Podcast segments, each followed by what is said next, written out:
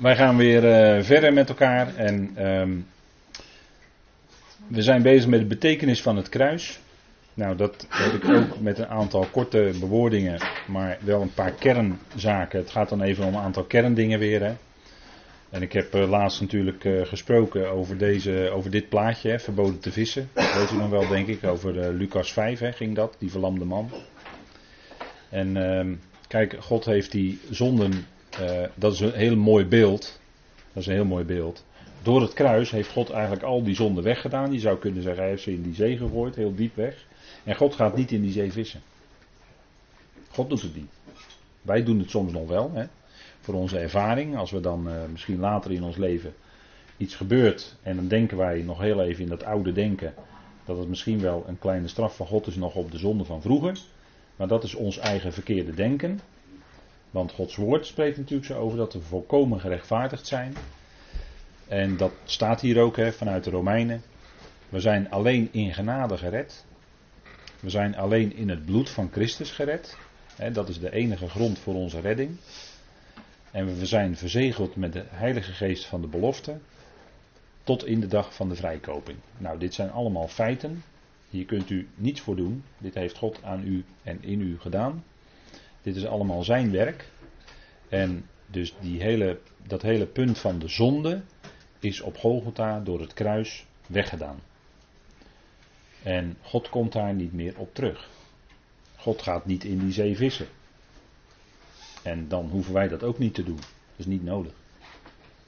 En dan kunnen we. Soms weet ik wel dat het met de mens zo is dat hij zich nog dingen herinnert uit het verleden. Dat kan. Maar uh, wat je dan kan doen, is dat woord eronder houden. Want we hebben dat woord als verdedigingsmiddel. En dan in dat woord lezen wij dat er geen veroordeling is voor hen die in Christus Jezus zijn. Kijk, dat is de waarheid. Niet wat wij op een gegeven moment nog herinneren, of wat wij voelen, of wat wij denken. Maar de waarheid is, die uitspraken van God, dat is de waarheid.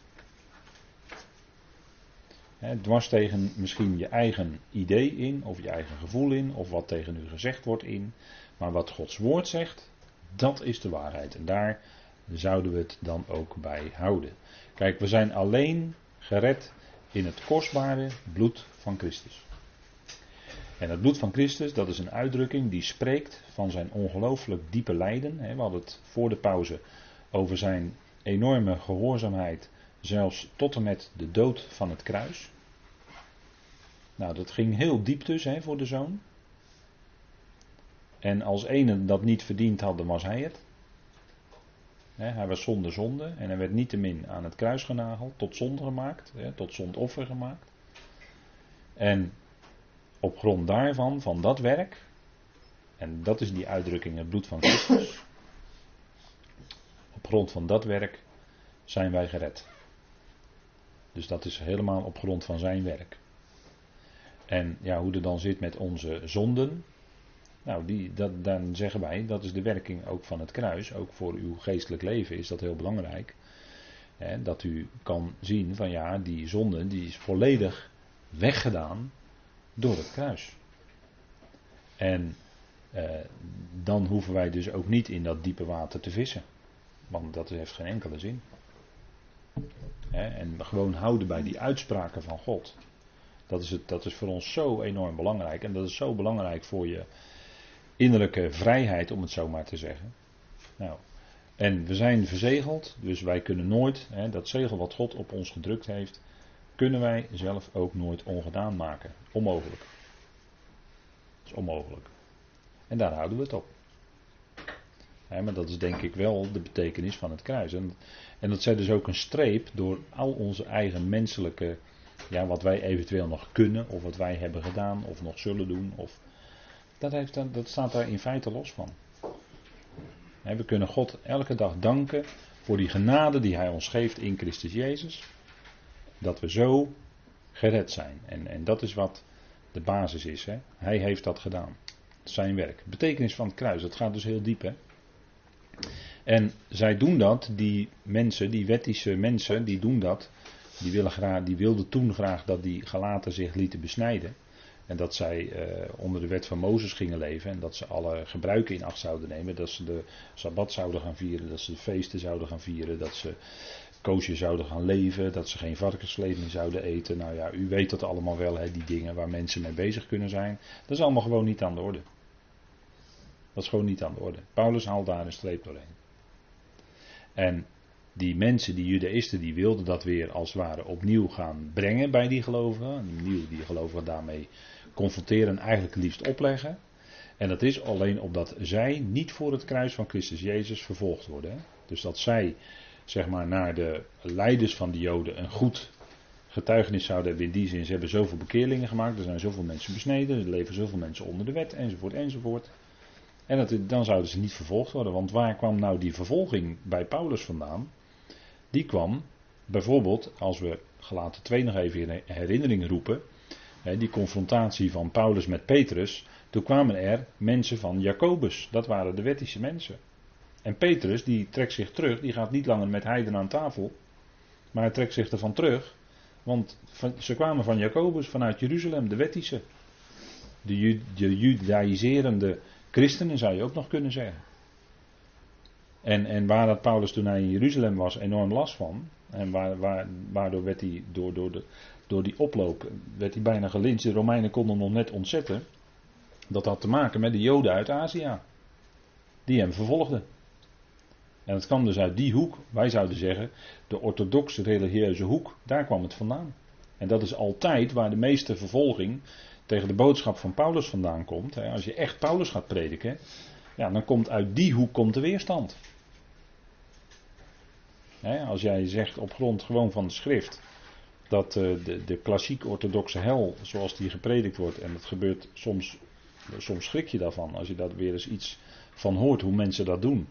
Dat mensen puur ge, uh, uh, gezegd wordt, je moet een keuze voor Jezus maken en dat doen op basis van angst. En dan predikt men de hel op zo'n verschrikkelijke manier dat ik denk van, man, hoe kan je dat daar zo rustig staan vertellen, wat je nu vertelt? Weet je eigenlijk wel wat je zegt? En dan wordt men dus gedreven door de, de, de boodschap van de, van de klassiek-orthodoxe hel, hè, artikel 37 van de Nederlandse geloofsbelijdenis. En op grond van die angst moet men dan tot de Heer komen? Nou, dat, dat, dat gaat niet werken hoor. Kijk, de mensen zouden uit de prediking van het werkelijke evangelie, van de liefde van God, daarop zouden ze tot de Heer komen. En, en, en daar, dat is waar het om gaat. Hè? En, en, dat, en, en waar komt dan ook de felle weerstand tegen de boodschap van de verzoening? Men noemt ons dan natuurlijk alverzoeners. Hè? Maar waar komt de enorme weerstand vandaan? Uit die hoek, uit de orthodoxe religieuze hoek. Daardoor kun je, daarvan kun je de vervolging verwachten. En, en zodra er maar iets gepredikt wordt van, van de liefde en de vrijheid in Christus, dan, dan wordt dat gelijk wordt dat geblokkeerd. En dat, dat zijn enorme uh, geestelijke machten, hè, vrome machten, die, die die prediking willen verhinderen. En, en als dat gebeurt, heeft men daar ook echt last van. Maar eh, dat, dat is, en, en daar zit een heel, heel brok eh, wetticisme en orthodoxe traditie omheen. Maar juist door die tradities, door het wetticisme enzovoort, door al die regels die gemaakt zijn, verhinderen ze de mensen om tot de Heer te komen. En dan wordt er gezegd, ja maar zo makkelijk gaat dat niet. Als de genade gepredikt wordt. Zo makkelijk is het niet. Daar komt uit die hoek vandaan, dat soort uitspraken. Daar komt het grootste verzet eh, en, en men verhindert om de mensen dan echt om tot de Heer te kunnen komen. En men laat ook niet zien wie de Heer in werkelijkheid is. Men laat ook niet zien wie God in werkelijkheid is. Maar er wordt een totaal verwrongen godsbeeld dan opgedrongen. Wat niets met de God van de Bijbel te maken heeft, eigenlijk. In de allerdiepste zin. En, en door al die uh, regels en tradities enzovoort en, en een bepaalde manier van uh, een, weg hoe men dan tot Jezus zou moeten komen of hoe men dan geroepen zou moeten worden, wordt, worden mensen ook verhinderd om de schrift te kunnen verstaan. En dat, dat is ook heel erg. ze kunnen de Bijbel niet meer goed lezen vanwege alle tradities die er overheen gelegd zijn. En dat, dat is niet alleen uh, daar zo in de tijd van Paulus. Paulus wist dat als geen ander maar dit is vandaag de dag nog steeds zo. Door tradities van mensen, door orthodoxie, komt er een bedekking over de schrift. Komt er ook een bedekking over het hart. En, en daar, is, daar is ongelooflijk moeilijk doorheen te komen. Nou, dat, dat is, en dat is ook waar de grootste weerstanden komen tegen het evangelie eh, zoals het werkelijk in de schrift staat. De echte blijde boodschap die Paulus bracht. Dat er een God is van liefde, van, van, van genade, van genade voor iedereen, van genade voor de meest diepgevallen zondaar. Kijk, dat is evangelie, dat is wat zondaren moeten horen. Zondaren hoeven, hoeven niet zozeer te horen hoe verschrikkelijk zondig ze zijn. Zondaren zouden horen wie Christus is iemand, iemand heeft heel raak gezegd van, uh, het is ook niet zo dat wij mensen tot, tot de Heer moeten brengen. Nee, wij moeten de Heer bij de mensen brengen. Wie de Heer werkelijk is, dat zou gepredikt moeten worden. Dat zouden de mensen horen. Die genade. En dat, dat, is, dat is echt, uh, ja, en als je dan zoiets hoort, ja, ik vind dat heel erg. Ik vind dat echt heel erg als je zoiets hoort, daar schrik je van denk je, man, hoe bestaat het dat je, dat je zo verschrikkelijk die hel kan tekenen voor de mensen en dan die mensen met zo'n angst gaat drijven? Hoe kun je dat in alle rust aan staan vertellen? Ik vind dat verschrikkelijk. En, en daar kwam in Paulus' dagen ook de vervolging vandaan, hè, vanuit de orthodoxe hoek. Hè, die waren misschien heel recht in hun leer, in hun overtuiging. Maar ze verhinderden de mensen om tot de Heer te komen. Ze verhinderden de mensen om, om de schrift goed te lezen. Waarom denkt u eigenlijk dat Paulus jarenlang in de woestijn, in de wildernis, persoonlijk onderwijs van de Heer Jezus zelf nodig had om de schriften te kunnen verstaan? Waarom denkt u dat het is? Nou, omdat zijn ogen geopend moesten worden voor wat er werkelijk staat in de schriften. En dat de schriften van hem spreken. Hem met een hoofdletter. En daar is altijd bezwaar tegen van, ja, eh, men wil toch vaak liever dan in eerste instantie de schrift op zichzelf toepassen. Maar nee, de schrift spreekt eerst over Christus. En pas daarna gaat het eventueel ook over u en mij. En daar wordt ook altijd bezwaar tegen gemaakt. Nou, dat vind ik eigenlijk ook heel erg. Als we willen spreken vanuit de schrift en willen laten zien dat de schrift daar spreekt over Christus, dan is dat toch tot eer van Hem. Daar gaat het toch om. Nou goed, we gaan uh, verder. Paulus die zegt ook, want velen over wie ik jullie vaak sprak, nu echter spreek ik ook wenend, wandelen als vijanden van het kruis van Christus. Let goed op, hè. Filippenzen 3, vers 18. Paulus zegt dat wenend, met een verdriet in zijn hart. Zij wandelen, vele wandelen, en dat is vandaag aan de dag nog steeds zo, als het in Paulus dagen al zo was. Hoeveel te meer is het vandaag aan de dag, en dat is ook zo. die wandelen niet als vijanden van Christus, want het christen, christelijk geloof is groot, er zijn veel mensen in het christelijk geloof. Die zijn geen vijanden van Christus, maar ze wandelen wel in de praktijk als vijanden van het kruis van Christus. En dan zijn ze nog steeds bezig met hun, hun eigen werken, hun eigen toevoegingen, hun levensheiligingen en noem alles maar op. En ze hebben niet door dat ze daarmee in de praktijk wandelen als vijanden van het kruis. En dat is, dat is wat. wat uh, want, want het zou de Heer zelf zijn die ons leven uh, leven leidt en geeft en eh, zijn leven in ons uitwerkt. En niet een surrogaat wat, wat dan eh, in allerlei cursussen wordt aangeleerd hoe je je dan moet gedragen. Nee, het zou het leven van de Heer zelf zijn. Wat eh, zich in ons uitleeft. De vrucht van de geest. In, in, in, in, veel kerken en groepen kan men een test doen voor, voor een gaventest. Of je wel gaven van de geest hebt. Dan denk ik, gaat toch om de vrucht? Dat is veel belangrijker. Het gaat om de gever, niet om de gaven. Want dan krijg je weer dat vlees dat gaat pronken van ik heb die gave en ik heb die gave. Die ander heeft dan een betere gave dan de ander. Dan krijg je dat weer. Dat is allemaal vlees. Dat is allemaal roemen op vlees. Het kruis maakt daaraan een einde. En dat is, uh, dat is wat Paulus dan ook natuurlijk constateert. En dat zegt hij ook wenend. En dat was bijvoorbeeld in Kreta ook aan de hand. En daarom moest Paulus aan Titus opdracht geven om op een gegeven moment op Kreta eh, oudsten ook eh, aan te wijzen. En dat wil ik dan even met u lezen in Titus 1. Dat gaat niet zozeer over die oudsten, maar het gaat wel over eh, wat dan gehoord wordt, hè, wat dan gepredikt wordt. En mede om die reden moesten oudsten aangesteld worden. Want oudsten zijn altijd ook mensen die het onderwijs van de apostel Paulus kennen, de gezonde woorden, en ook in staat zijn om degene die tegenspreken, om daarop antwoord te geven vanuit de schrift. Dat is altijd een geestelijk kenmerk van een oudste. En ehm, dan zegt Paulus waarom dat is, hè, waarom ehm, hij, dat, hij dat bij Titus erop aandringt om dat te doen. Want hij zegt dan in Titus 1, vers 9. En dat, is dan, eh, dat wordt dan over die oudste gezegd. Iemand die zich houdt aan het betrouwbare woord.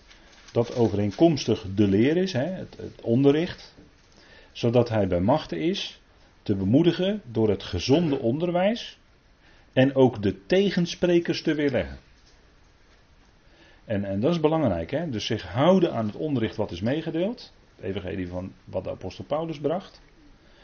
En dat is gezond onderwijs. En daarmee in staat zijn ook die tegensprekers te weerleggen. Want toen waren er al tegensprekers. En die zijn er vandaag ook heel veel. Vandaag leven we ook in de tijd dat mensen zich leraren ophopen, staat er dan in 2 Timotheus. Omdat die hun gehoor kietelen. Hè, die, die spreken dat wat zij graag willen horen. En daar gaan ze dan naar luisteren. maar dat is vandaag aan de hand. Bij, bij, veel, bij veel mensen. En dan zegt Paulus in vers 10, want er zijn ook veel opstandigen, mensen die zinloos praten en misleiders. Hè. Dat, dat zijn die hun gehoor kietelen misschien, maar ze praten zinloos, dus eigenlijk zonder, uh, het heeft niet echt een strekking. Hè? Eh, het is eigenlijk uh, leeg. Hè? Dat woord zinloos heeft eigenlijk te maken met leeg. Hè? Het zijn lege praters. Dus het heeft geen inhoud uiteindelijk. En opstandige, dat, dat is eigenlijk een woord dat, dat in de grondtekst heeft dat te maken met uh, die zich niet onderschikken. Dat zijn niet ondergeschikte mensen. dat woord onderschikken heeft in de diepste zin ook te maken met rij. Dus die, die die wandelen niet in de, in de lijn, in de rij om het zo maar te zeggen, maar die zijn uit die rij gestapt en willen zich niet onderschikken. Dat is dat woord opstandige eigenlijk.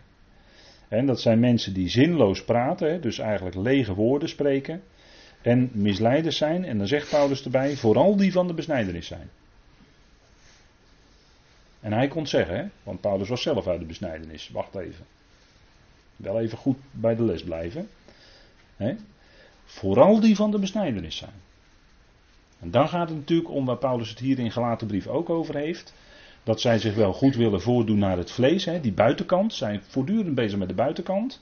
Allerlei rituelen in acht nemen. Allerlei gebruiken in acht nemen. Allerlei dagen, maanden houden, tijden en jaren, noem maar op. Allemaal buitenkant. En vandaar dat hij hier ook zegt, vooral die van de besnijders zijn. Dus had voortdurend was daar last mee. Want zij gingen in tegen het onderricht wat Paulus, het evangelie wat Paulus had gebracht. En dat heeft ook te maken met de werking van het kruis.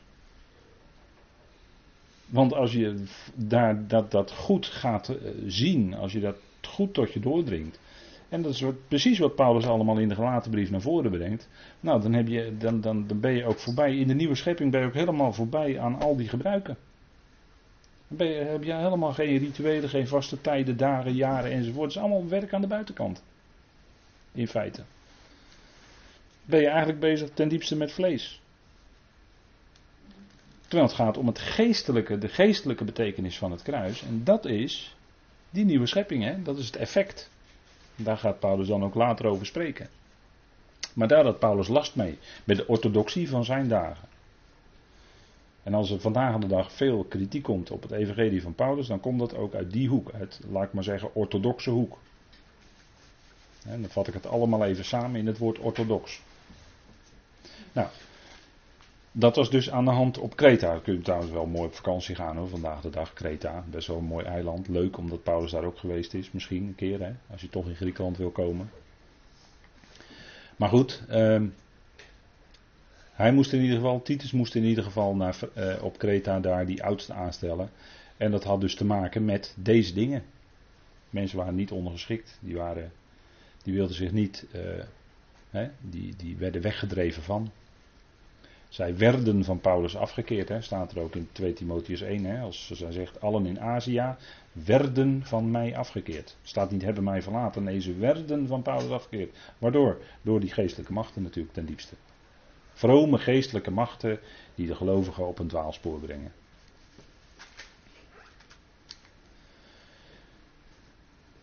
En dan zegt Paulus, want zelfs niet zij die besnijden, handhaven zelf de wet. En dat wist hij natuurlijk van binnenuit. Paulus had zelf natuurlijk onder de wet geleefd als fariseer. Dus hij, hij, was zelf ook zo bezig geweest dat hij misschien aan de buitenkant wel allerlei dingen goed deed. En, en misschien perfect volgens alle regeltjes. Maar van binnen zag het er anders uit. Hè? En dat zegt de Heer ook. Paulus zegt hier in feite wat de Heer ook al zei. Hè? In Matthäus 23. Zij geven tienden van de munt, de dillen en de komijn. Nou, u ziet ze hier eens even op een plaatje bij elkaar. Hè? Linksboven de dillen, dan, de, dan uh, daaronder de, de komijn, die witte blaadjes. En rechts is, uh, is de munt. Dan kan je ook lekker thee, moet je in thee doen. In heet water en dan die bladeren erin. Heb je muntthee. Kan je doen. Nou, de dillen en de komijn, ze gaven dus daar tiende van. Nou, die komijn, dat zijn hele kleine, dat zijn hele kleine korreltjes. Nou, daar gaven ze ook de tiende van. Dus ze waren heel nauwkeurig met die hele kleine dingetjes bezig. Jullie ziften de mug uit. jullie die de mug uitziften, maar jullie slikken de kameel door. dus hele grove zonden enzovoort, dat, uh, daar, daar deden ze eigenlijk niks aan. Dat lieten ze zomaar gebeuren. Terwijl ze juist die hele kleine dingetjes waar ze heel nauwkeurig, namen ze allemaal in acht en allemaal voor de buitenkant, op, op straat met mooie gewaden aan lange gebeden uitspreken. Zo van kijk eens hoe lang ik een gebed kan uitspreken, was dat. Zegt de Heer Jezus allemaal, hè, Matthäus. En dat was dus allemaal werken aan de buitenkant. Terwijl het gaat om de binnenkant. En daarom zegt hij ook in Matthäus 6, als je nou gaat bidden tot je hemelse vader, ga je in de binnenkamer. Dat hoef je niet naar buiten toe te doen dat de mensen jou horen. Dat, gaat helemaal niet. Dat gaat voor de oren van God. Die hoort je heus wel. Ja, maar ik, ik heb zo het gevoel dat mijn gebeden niet verder komen dan het plafond. Maar weet u dat God ook bij u in de kamer is?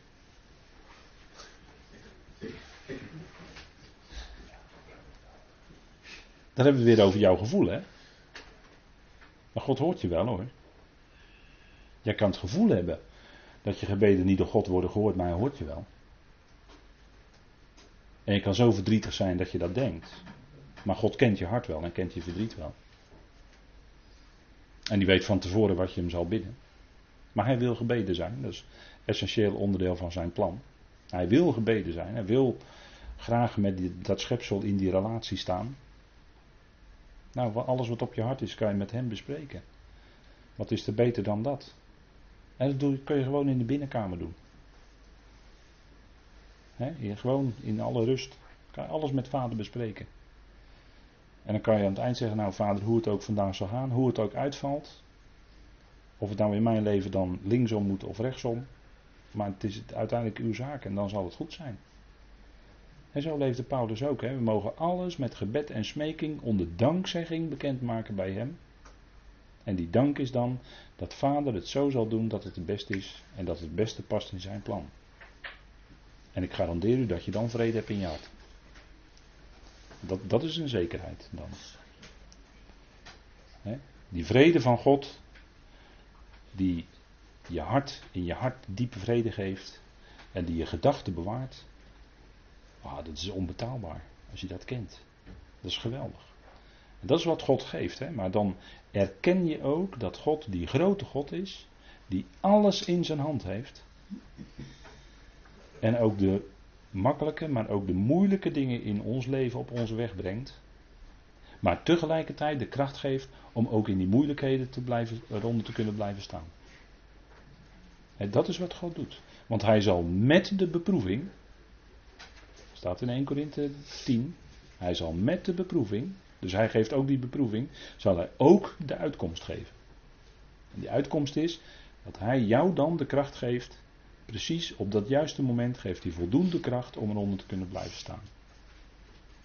Nou, dat, dat is zo, zo werkt God dat uit in ons leven. En, en dat is denk ik wat, dat is de binnenkant. Daar gaat het om de binnenkant. Hè? En daar gaat het ook om. Want in die, van binnen bij ons zit die vreugde, zit dat leven wat Hij ons geeft. En, en hebben we van daaruit ook die diepe relatie met Hem. Dat we met alles met Hem mogen bespreken. en, en, dat is het mooie als je s'nachts wakker wordt, dan kan je direct met vader erover spreken. Je ligt misschien te piekeren, dat heb je allemaal wel eens als mens. Maar je kan dat met vader bespreken. En die kan dat het piekeren ombuigen in vrede. Van binnen. Dat doet hij ook. Nou, dat is, dat is het geweldige. En dan kan je daarna weer inslapen. Dus het gaat om de binnenkant. Hè? En waar ging het bij die besnijdenisvoorvechters om in Paulus' dagen? Dat zij zich zouden beroemen op hun vlees. Op het vlees van die galaten. Dat zij zouden kunnen zeggen, misschien wel in Jeruzalem, van nou, wij zijn daar in relatie geweest en het is ons gelukt omdat zoveel mensen zich lieten besnijden. En dan beroemden ze zich dus op vlees. En dat, is, dat roemen is ook vleeselijk. dat getuigt van een vleeselijke houding. En, en, en roemen op vlees, dat was ook onder de Corinthiërs aan de hand. En dan gaat het dat mensen zich beroemen op aantallen. Ik heb eerder vanavond genoemd mensen die zich dan toch min of meer erop beroemen dat zij dan zoveel mensen tot de Heer hebben geleid. Volgelingen.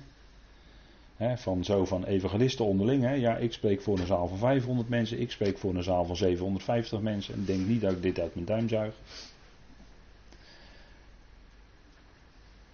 En religieuze plichten vervullen. men nodigt dan zogenaamde grote sprekers uit. dan zie je van die grote eh, aankondigingen. Die die spreker uit Amerika die komt, en moet altijd uit Amerika komen. Die en die grote spreker komt uit Amerika op het podium, dan gaan er geweldige dingen gebeuren. En er staat ook al meestal een bankrekeningnummer bij.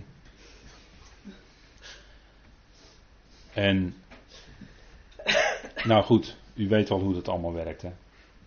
U weet hoe het allemaal werkt in de praktijk. Zo gaat het in de praktijk. Maar, kijk, Paulus haalt in Romeinen 2 eigenlijk al een streep door die besnijdenis in feite. Hè? Want daar hoorde je dan ook die discussie komen over of besnijdenis dan nog wel of niet zou moeten. Maar de besnijdenis heeft veel nut als je de wet houdt. Maar als je een overtreder van de wet bent, is je besneden zijn tot onbesnedenheid geworden.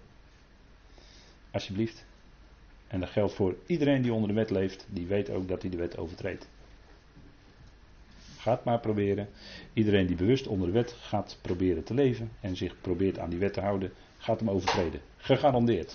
Nou, als jij je dan het aan je vlees hebt laten besnijden, is op dat moment die, die besnedenheid tot onbesnedenheid geworden. Want blijkt dat je net zo bent als de gooi die je de wet ook niet kunnen houden. Maar jij kan het ook niet als Jood. Dus dan ben je totaal aan het andere einde bezig. Hè? Maar het gebeurt hoor, in Amerika ook veel, veel mensen, veel christenen laten zich echt besnijden. In gebeurt in Amerika ook hoor. Is daar veel gewoner dan hier. Hier gebeurt het ook wel. Hè? Veel christenen zich laten besnijden, letterlijk. Echt, maar er zijn in Amerika nog veel meer. Maar het is volstrekt overbodig. Heeft geen enkel nut. En Paulus zegt dan: Mogen het mij echter niet gebeuren mij te beroemen, tenzij in het kruis van onze Heer Jezus Christus, waardoor de wereld voor mij gekruisigd is en ik voor de wereld. En bij Paulus was dat, want hier staat geen bepalend lidwoord in het Grieks, vandaar dat ik dat op de dia tussen haakjes heb gezet. Als u in de concordante vertaling leest, ziet u dat ook in dun druk staan. Eigenlijk zegt hij, waardoor een wereld voor mij gekruisigd is en ik voor een wereld. En wat was zijn wereld? Het judaïsme. Hij kwam uit de wereld van het judaïsme. En door de inwerking van het kruis in Paulus' leven had dat hele judaïsme op hem geen enkele aantrekkingskracht meer. Het was volledig voor hem voorbij. En hij was voor hem als het ware als gekruisigd en hij voor die wereld van het judaïsme. Daar, daar had hij geen enkele verbinding meer mee. En alleen voor zover het nodig was, zegt hij, doe ik alsof ik nog onder de wet leef, maar dat is alleen maar om enkele nog te winnen die onder de wet leven. Daar doe ik het voor. Maar ik leef natuurlijk niet meer onder de wet. Maar die wereld van het judaïsme was voor Paulus gekruisigd. Hè? En voor ons algemeen de wereld als uiterlijk en uitwendig systeem. Ja, in die zin hebben we daar ook geen connecties meer mee. We leven wel in de wereld, maar we zijn er niet van. We leven wel in de wereld, maar we zijn niet van de wereld. Want wij hebben niet ontvangen de geest uit de wereld, maar de geest die uit God is. 1 Korinthe 2 opdat we zouden weten wat ons door God in genade geschonken is. En dat is ongelooflijk veel. Dat is een rijkdom die de wereld nooit kan vervullen. En de leegte in je hart kan de wereld ook nooit vervullen. Dat blijft maar eindeloos doorgaan. En dan ben je steeds net als de wereld maar bezig je begeerte te vervullen. En als je begeerte vervuld is, is het weer leeg van binnen. Elke keer weer. Maar wat werkelijk tot werkelijke, om het zo maar te zeggen, te, diepe tevredenheid leidt, is dat je Gods geest hebt ontvangen en dat je gaat zien welke geweldige rijkdom God je in genade geschonken heeft. En dan heb je geen dorst meer in die dingen van de wereld. Dan heb je geen trek meer in die dingen van de wereld. Want dan wil je, heb je wel dorst, maar dan in de goede zin, dan wil je van het woord. Ja, Heer, meer van dat woord. Ik wil meer van u weten. Ik wil meer van u horen. Die dorst, hè? Dat is gezonde dorst. maar dat, daar gaat het om. Hè? De wereld als uitwendig, als uiterlijk systeem onder het bestuur van de tegenstander, dat is vandaag aan de dag zo. Daar hebben wij geen connectie mee. Dat is voor ons voorbij. Dat is die werking van het kruis. daar staat tussen ons en de wereld staat het kruis. En andersom kan je het ook zeggen, tussen de wereld en ons staat het kruis. Nou, dat is, dat is, dat is die afsnijding. Goed, ik eh, wil het hierbij laten voor deze avond. Dan gaan we de volgende keer met elkaar verder.